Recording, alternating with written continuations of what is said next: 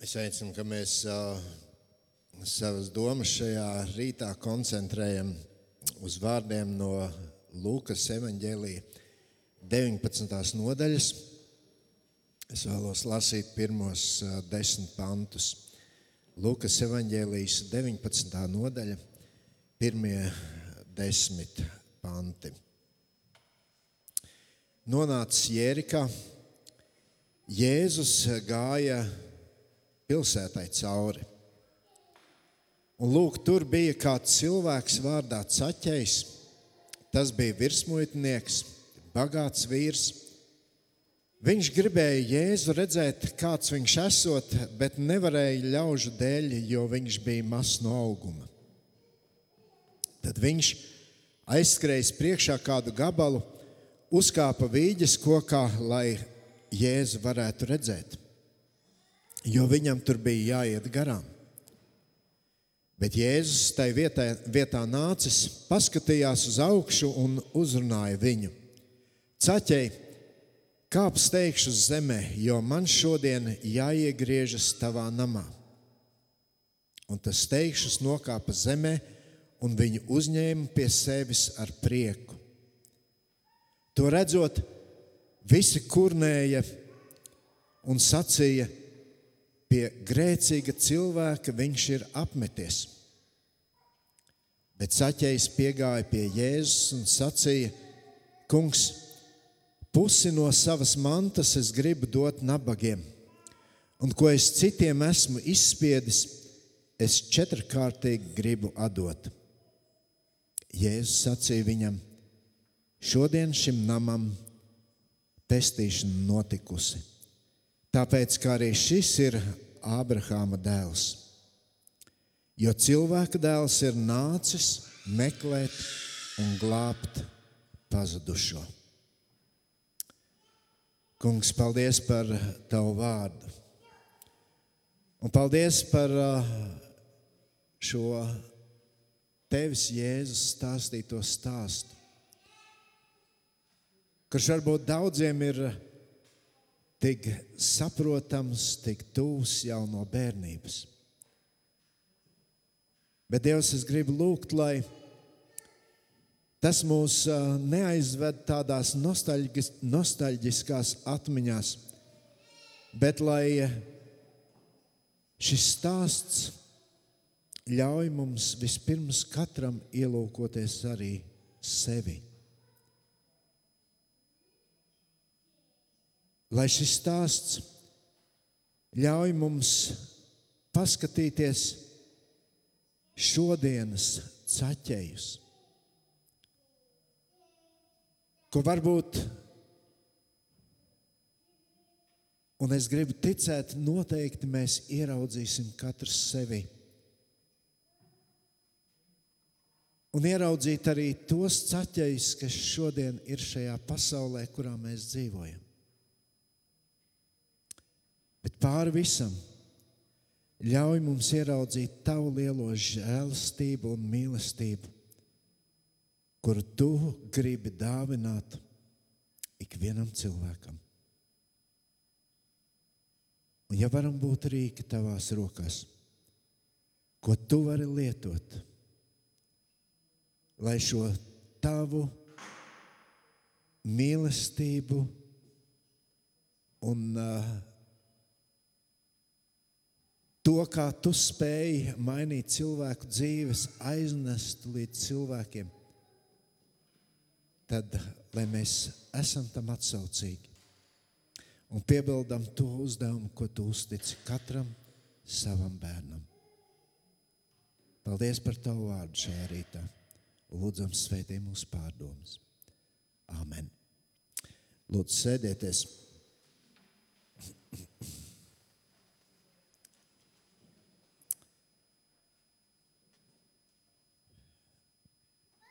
Ja mēs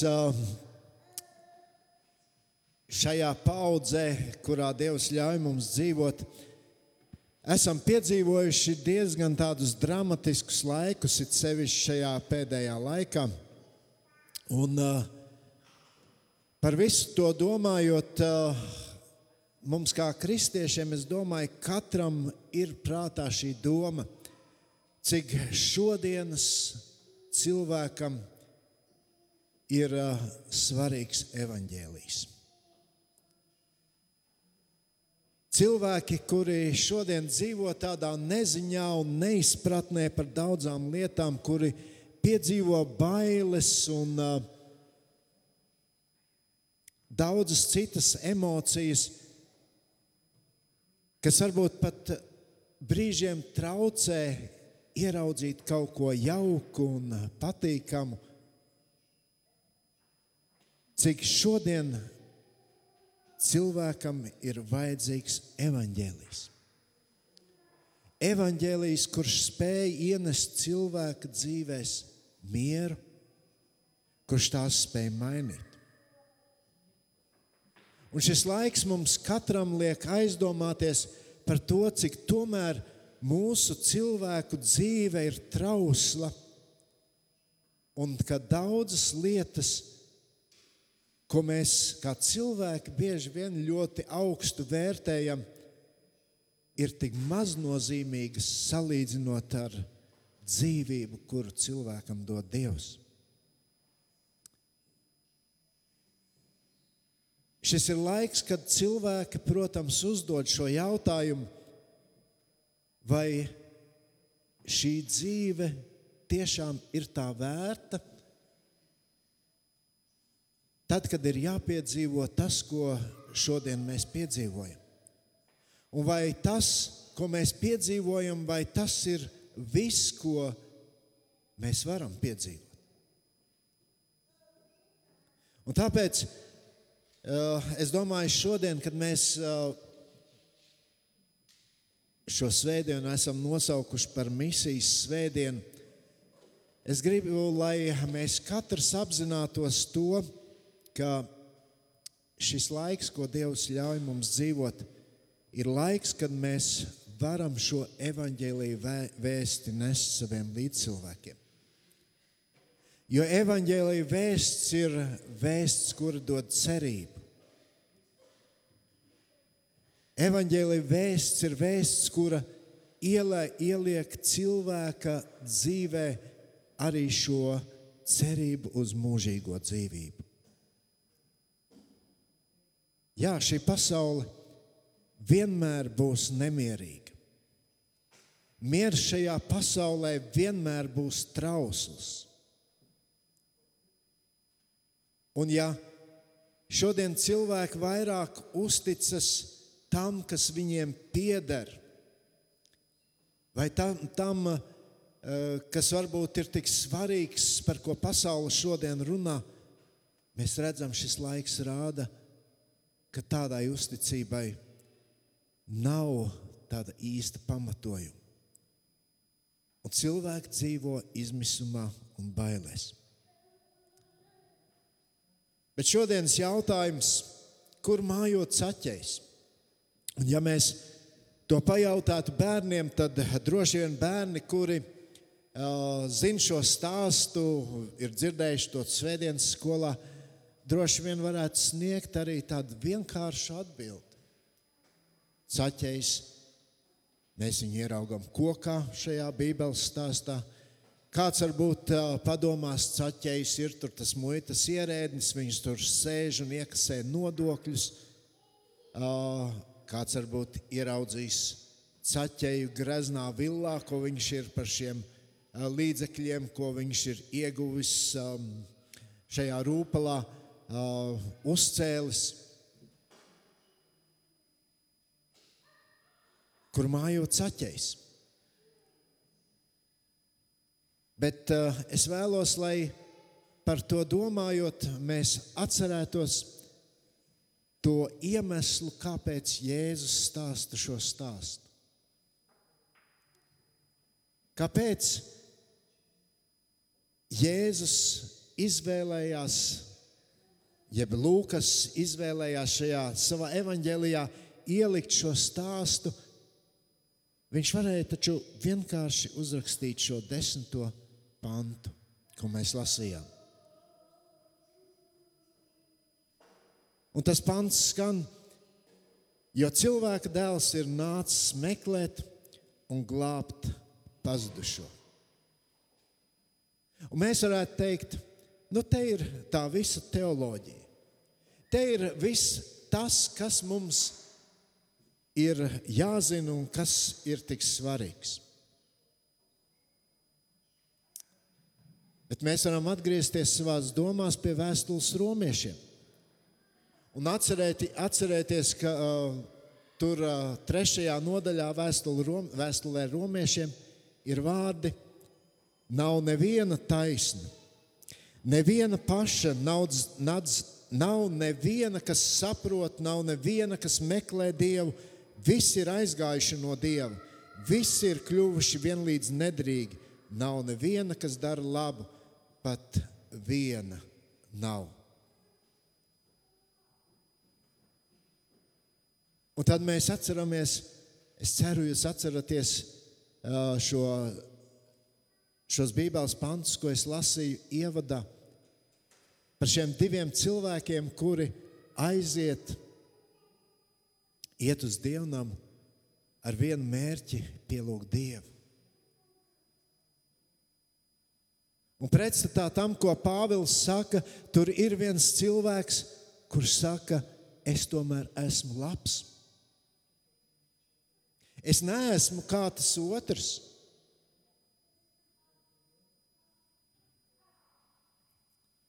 Un tā mēs cilvēki dzīvojam, domādami, ka mēs jau esam pietiekoši labi. Bet cilvēka dēls, Jēzus Kristus, ir nācis meklēt un glābt pazudušo.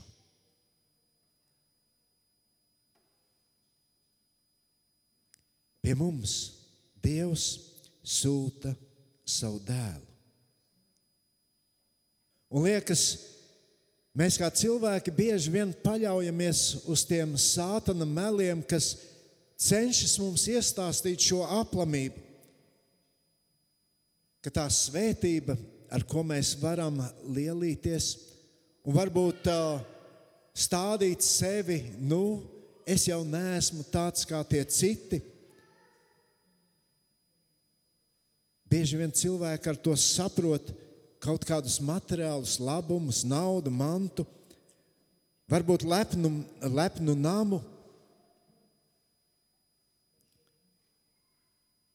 Un tad, kad mēs skatāmies uz citiem, kam varbūt tas nav, mēs sakām, nu, neveiksminieki dzīvē.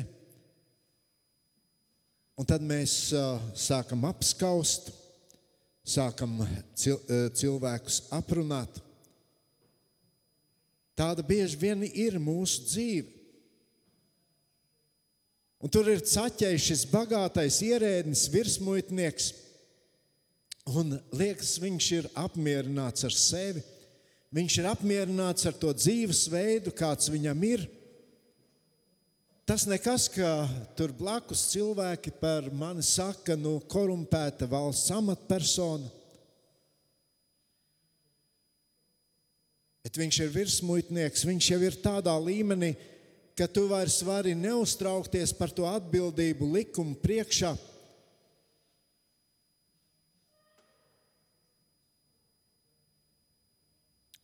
un varbūt jau ir pieredzējis pie tā, ka cilvēki viņu sauc par blēdi, par nelieti, par zagli, par laupītāju. Un tad ir jautājums, ko darīt ar šādu caķeju?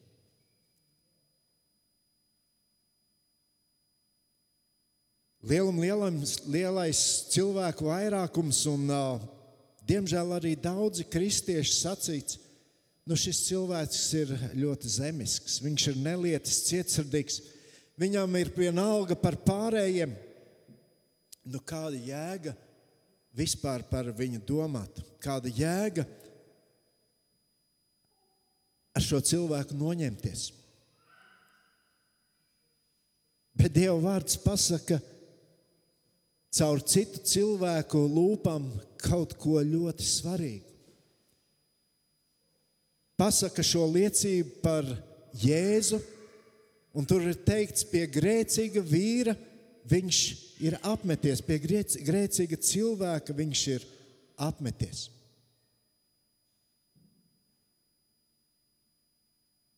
Tas, kas varbūt cilvēkiem nekā neizdodas pārliecināt par uh, grēku otru, ko mēs kā cilvēki varbūt pat esam norakstījuši un uh, varbūt pasakām, tur nav nekādu cerību. Jēzus iet un ir pie viņa. Jēzus iet pie šiem caķiem. Jēzus parāda, ka Dievam viss ir iespējams. Dievs var izglābt arī tādus cilvēkus, par ko mūsu spriedums ir nemainīgs. Par ko mēs sakām, tur nekas nesanāks. Tas nav labojams. Un kad mēs atceramies to, ko apustulis Pāvils saka, nav neviena taisna, neviena paša. Visi ir pazuduši. Visi ir slikti. Visi ir tie vienaldzīgie. Arī tie, kas šos caķējus apsūdz, arī tie, kas atmeta roku šādiem caķiem. Kristus nenāca pasaulē, lai piebalsotu mūsu spriedumiem. Kristus ir nācis meklēt un glābt pazudušo. Un ja tā mēs domājam, un ja mēs ticam, ka Dievs ir visvarens un visspēcīgs, tad viņš var izglābt tik vienu. Arī caķēju. Arī šos caķējus mūsu izpratnē. Jā, tie ir cilvēki, kas bieži vien mūs kaitina. Tie ir cilvēki, kuri ir paštaisni, kuri varbūt šad un tad ir bezskaunīgi, kuri varbūt ir pilnīgi vienaldzīgi pret citiem kuriem ir pilnīgi vienalga, ko par viņiem runā. Tie ir cilvēki, kuri savā dzīvē nevēlas neko mainīt. Bet paskatieties, kas notiek tad, kad viņu dzīvēs ienāk Kristus. Kas notiek tad, kad šie cilvēki patiesi sastopas ar Kristu, kad viņi ieraug kādu, kas ir ieinteresēts patiesi viņu rūpēs un viņu dzīvē. Jā, Lūka neatklāja šajā evanģēlijas stāstā nekādu garo sarunu. Lūka šeit nerunā par to, ka Jēzus tur paņēma kādu individuālo kursu kopā ar caķeju, un pēc tam nu, viņš mainījās. Mēs nezinām, cik gara bija šī saruna. Bet vienu mēs zinām droši, ko mums arī evanģēlijas atklāja. Caķējs piecēlies, sacīja kungam, redzi, kungs, pusi no savas mantas es esmu gatavs atdot nabagiem. Un ja es esmu no kāda izspiedis kaut ko netaisnīgi, to es četrkārtīgi gribu atdot. Kas notika pēkšņi ar šo cilvēku? Vai viņu uzrunāja kāds kristietis? Nē. Vai viņu uzrunāja kāds no viņa līdzcilvēkiem? Nē. Visi viņam gāja ar līkumu. Vai Kristus nosauca viņu kaut vienā no tiem vārdiem, kādus mēs mēdzam veltīt šādiem caķiem? Nevienam. Kas tad pēkšņi viņam lika mainīt savu skatījumu uz dzīvi? Tikai tas, ka viņam blakus bija Jēzus. Tikai tas, ka viņa tūmā bija pats Dieva dēls. Te bija pirmais, kurš viņu neapsaukāja un nekritizēja, kurš negriezās pie viņa ar gudrām pamācībām, kā tad ir pareizi jāuz, jādzīvo.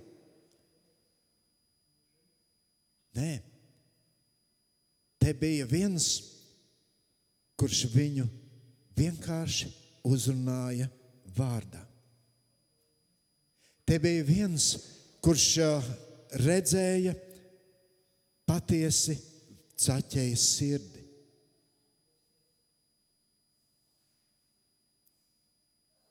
Dievs mīl ikvienu. Mums var likties, Nu jā, ar to cilvēku jau nav jēgas. Viņš ir tik vienaldzīgs pret Dievu, pret evaņģēliju. Viņš nespēja un viņš negrib savā dzīvē neko mainīt. Viņš ir pilnīgi nelabojams. Bet tad ir jautājums, ko tu vari izdarīt, lai šie caķeji, kuri ir tavā dzīvē, lai viņi nevis dzirdētu tavus nosodījumus, bet lai viņi sastaptu Kristu, kurš viņus var saukt vārdā. Tas ir Dieva darbs, meklēt un glābt pazudušo. Vai tu šodien tam tici? Vai tu šodien tici tam, ieraugot tos daudzos caķējus, ar kuriem tu savā dzīvē sastopies? sastopies? Vai tu runā ar caķējiem savā ģimenē, vai tu runā ar caķējiem savā darba vietā, savu paziņu un draugu lokā? Vai šie caķēji ir tavu lūgšanu sarakstā šodien? Vai varbūt tavās acīs šie caķēji ir jau pazuduši un neglābjami? Mīļie brāļi un māsas, Dievs mīl katru grēcinieku. Dievs ienīst grēku, bet Viņš mīl grēcinieku. Un neviens no šiem cilvēkiem nav kas ir tev līdzās, nav neglābjams grēcinieks.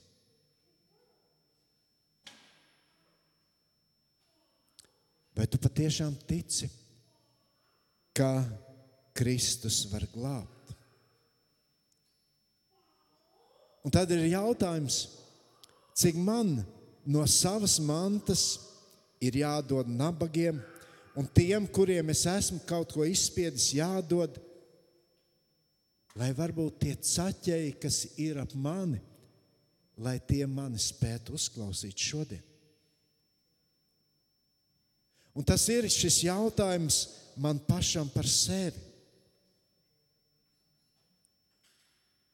Jo man jau Dievu priekšā nebūs jāatbild par caķēju un to varbūt daudzo caķēju grēkiem, kas ir līdzās manai bet par mana paša grēkiem. Un tas ir jautājums, vai arī es neesmu tas pats saķējs, tas pats pašapmierinātais, bezjūtīgais, kura vienīgā attieksme pret citiem ir kritizēšana vai nosodījums. Tas jautājums šodien mums katram ir, ja es apzinos sevi kā Dieva bērnu, cik es ļauju sevi kristumu lietot, lai aizsniegtu šos daudzos caķējus, ar kuriem mēs dzīvē sastopamies. Vai šie caķēji redz manī šo Kristus attēlu? Mēs ik viens ticam, ka Dievs mūs katru ir brīnišķīgi radījis. Viņš ir devis mums acis, lai mēs ieraudzītu šodien caķēju. Viņš ir devis mums sirdi, kas ir pildīta ar izpratni un žēlastību. Viņš mums ir devis mēli, lai uzrunātu, lai mēs varētu būt šie instrumenti Dieva rokās. Jēzus ir nācis meklēt un glābt pazudušo. Un jā, es domāju, mums katram tas liek aizdomāties, ka mums ir jātiek pāri šim kārdinājumam, teikt, nu nav jau ko pērles kaisīt cūkām priekšā. Mums ir jātiek pāri šim sevis, paaugst, sevis paaugstināšanai. Kad mēs varbūt skatāmies uz citiem, nu tas jau ir pārāk grēcīgs, lai viņš mani saprastu, lai viņš pieņemtu to, ko es gribu sasniegt.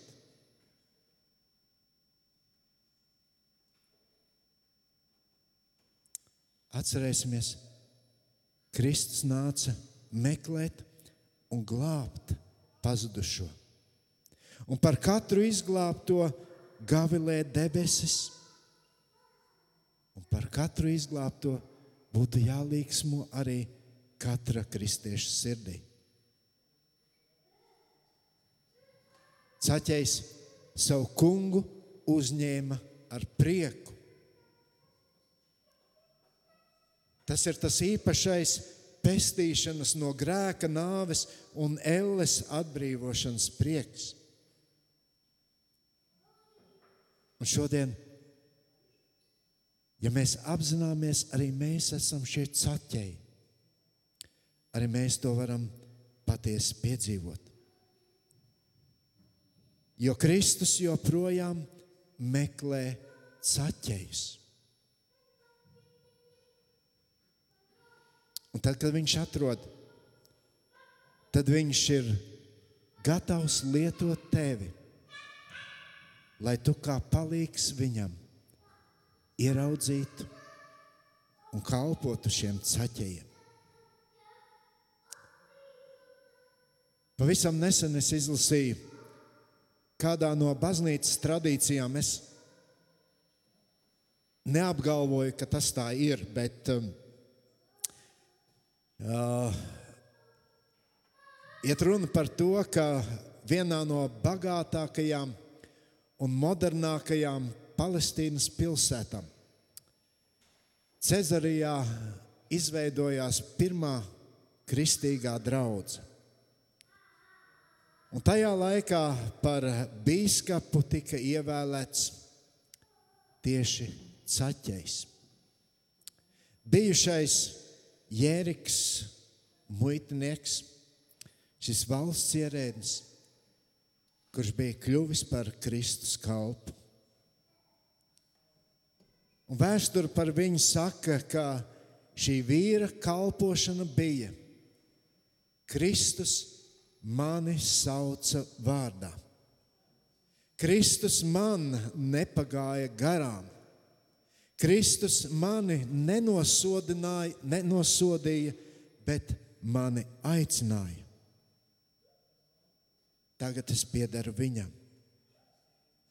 Un mana apņemšanās ir līdz savu dienu beigām nevienu nenicināt, bet aicināt pie Kristus. kur šodien mājo saķējs. Ja tu to saskati sevi, tad zini, arī šodien tev Jēzus saka, caķei, kāp steigšu zemē, jo man šodien ir jāiegriežas tavā namā.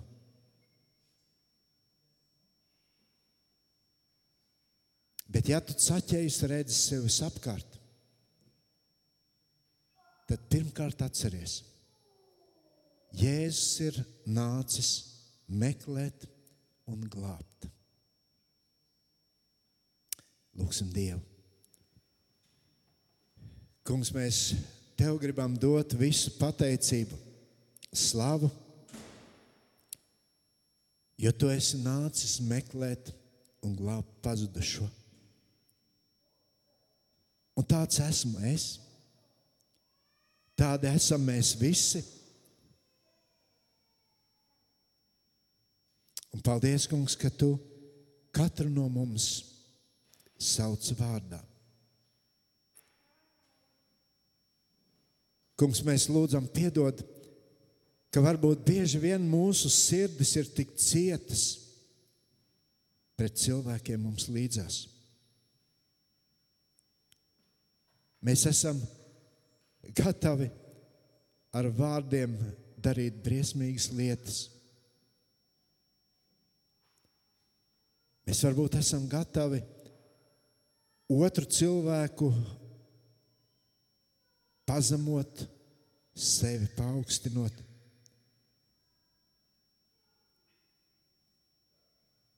Mēs gribam, kungs, lūgt, piedod, ja tas mūsu dzīvē tā ir bijis. Tajā pat laikā mēs lūdzam visā pazemībā lietotu mūs kā savus mācekļus. Jo tu taču katru no mums esi saucis vārdā.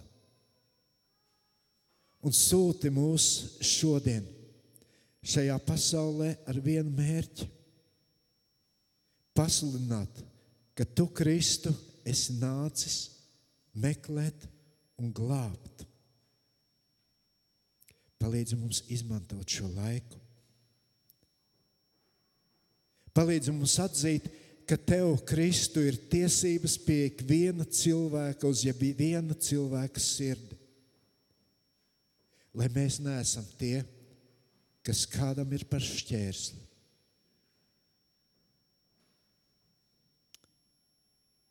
Devis Tēvs, paldies par šo atgādinājumu šodien, šajā misijas svētdienā. atgādinājumu, ka mēs esam tikai rīki tavās rokās, ko tu esi gatavs lietot. Un palīdz mums ļauties tev, ļauties tavam uzdevumam, uz kuru tu katru savu bērnu esi aicinājis. Jēzus, tavā vārdā te lūdzam. Amen.